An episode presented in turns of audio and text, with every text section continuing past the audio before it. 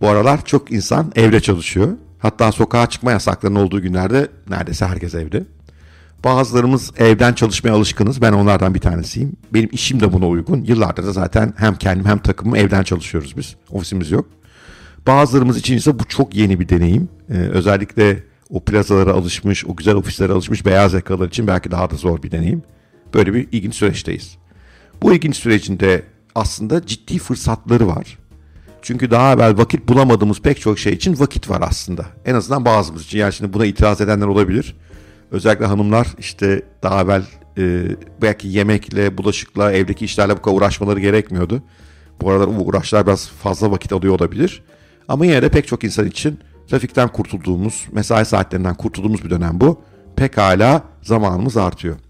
Bu artan zamanda da yapılabilecek harika şeyler var ama ona motive olmamız lazım. Ve bu motivasyon çok zor.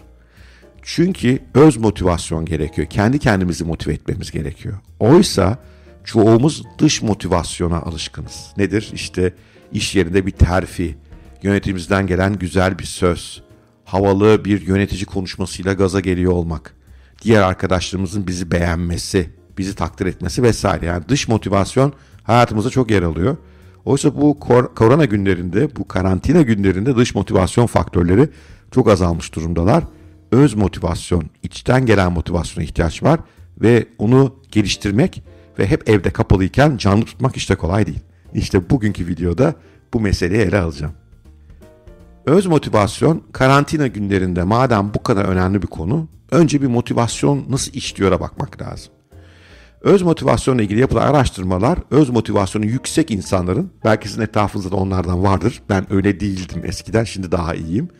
Hani böyle atom karınca gibi güne başlayan, kimse onlardan bir şey beklemezken işleri hızla tamamlayan, yeni girişimlere, yeni projelere sürekli sıçrayan insanlar var ya onlardan bahsediyorum. O insanların beyinleri biz diğer e, gafillerden farklı. Nasıl farklı? Dopamin onların beyinlerinde özellikle ödül ve motivasyon bölgesinde onu daha fazla dopamine sahipler. Biz diğer insanların çoğunda ise dopamin fazlalığı daha ziyade duygu ve risk bölgesinde. E bu da şöyle bir fark yaratıyor. Biliyorsunuz dopamin mutlulukla ilgili bir e, temel salgı.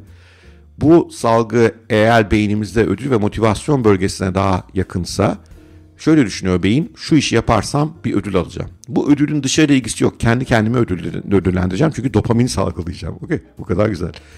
Biz diğer insanlarda ise bu iş öyle işlemiyor. Bizde bir iş yaparsam bunun riskleri var diye düşünüyor beyin. Çünkü dopamin orada. Veyahut da duygusal modumuzdan dolayı harekete geçmemeyi tercih ediyor. Bugün modumda değilim diyor. Çünkü dopaminin toplandığı bölge orası. Yani bu biliyorum basit bir açıklama oldu. Tam bilimsel de değil ama temel fikir bu. Peki ne yapacağız bu durumda? Razı mı olacağız? Ne yapalım? Bizim dopamin yanlış yerde. O yüzden kendimizi motive edemiyoruz mu diyeceğiz. Yoksa bu karantina günlerinde bile motivasyonumuzu artırmanın yolları var mı? Şimdi gelin ona bakalım. Motivasyon aslında e, üç temel faktörle gelişen bir iş. Bunlardan ilki beceridir. Ne demek beceri? Bir işi becerebildiğimi görüyorsam, teknik becerim, sosyal becerilerim, o iş tecrübelerim, o işi yapmaya uygunsa o işe daha kolay motive oluyorum aslında. Mesela kayağı düşünün. Ee, varsa aranızda kayağa gidenler çok zahmetli bir spordur aslında. İşte kıyafetini giymesi, soyunması, kayaklarının takılması vesaire. Ama iyi kayak yapanlar müthiş motivedir o işleri yaparken. Çünkü zaten temel bir becerileri var ve o becerinin üzerine gidip bir şey yapacaklar. Bu da onları doğal olarak motive ediyor. Birinci faktör bu. Maalesef karantina günlerinde beceriyle ilgili iki sorunumuz var. Birincisi becerilerimizin bazıları anlamsız hale geliyor belki. Çünkü daha belki videolarda hep bahsettim. Dijitalleşme çok hızlandı. Sektörlerin iş yapma şekilleri değişiyor. Pek çoğumuzun eski becerileri bugün işe yaramıyor. Yepyeni becerilere ihtiyaç duyuluyor ve bu da motivasyonu kıracak unsurlardan bir tanesi aslında.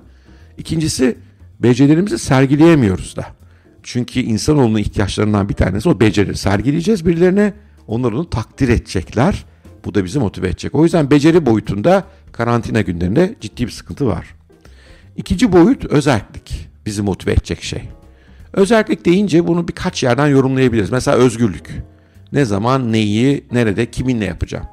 Bu konuda bence karantina günleri gayet avantajlı. Çünkü iş saatlerimizi, kıyafetlerimizi, nereden çalıştığımızı kısmen en azından evin hangi odası olabilir e, seçebiliyoruz.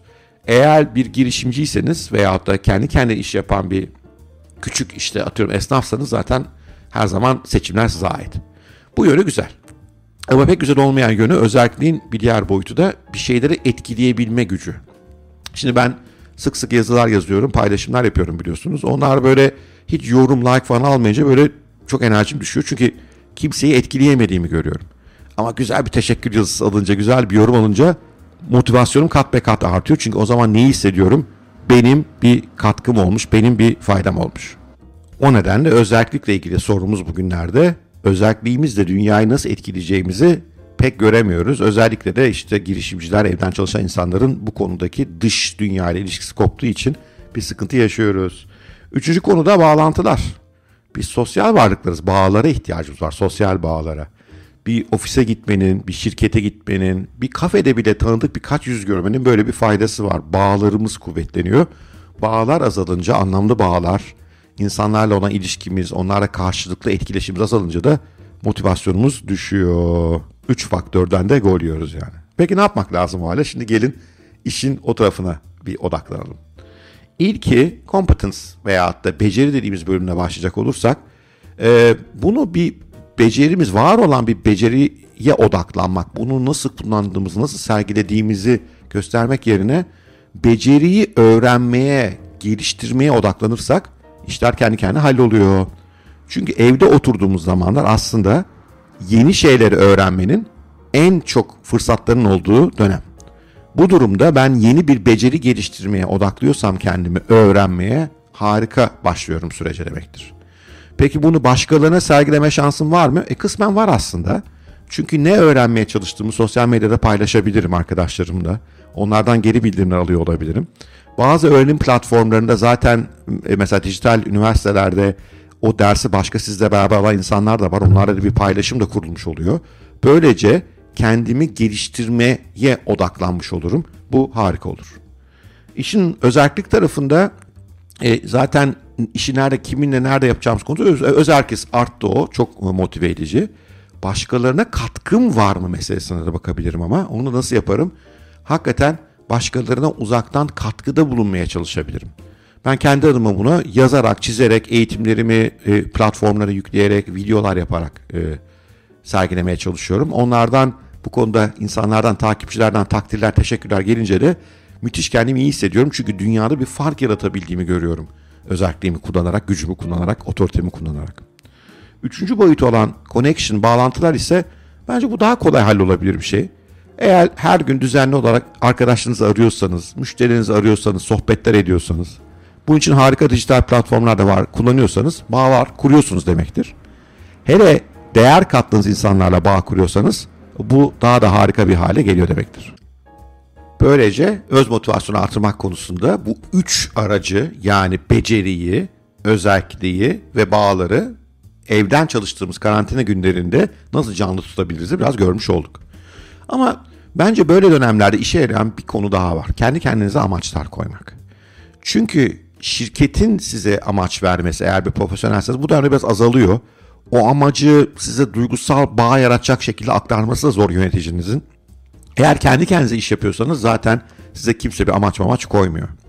Böyle dönemlerde kendinize amaçlar koymak çok önemli. Mesela benim bazı amaçlarım var. Bültenime ki aşağıdan ona üye olabilirsiniz. Bağlantısı aşağıda var. 10 bin üye istiyorum. Şu anda işte bunun üçte birini gerçekleştirdim gibi.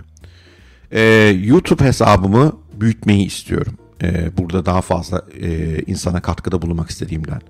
Ee, sevgili Bilge ile ve Pınar'la beraber ortaklarım ve sevgili eşim Pınar'la beraber e, bir kitabı tamamlamak üzereyiz. Bu sanırım takip edenler var. Hattın aşk hikayelerimiz var. Uzun zamandır e, her hafta yayınladığımız onu kitaplaştırıyoruz. O işi tamamlamaya çalışıyoruz. E, bir yandan da e, normal işlerine devam ediyor. Oralarda da yeni eğitimler geliştirmeye amaçlıyorum. Online'a daha odaklı.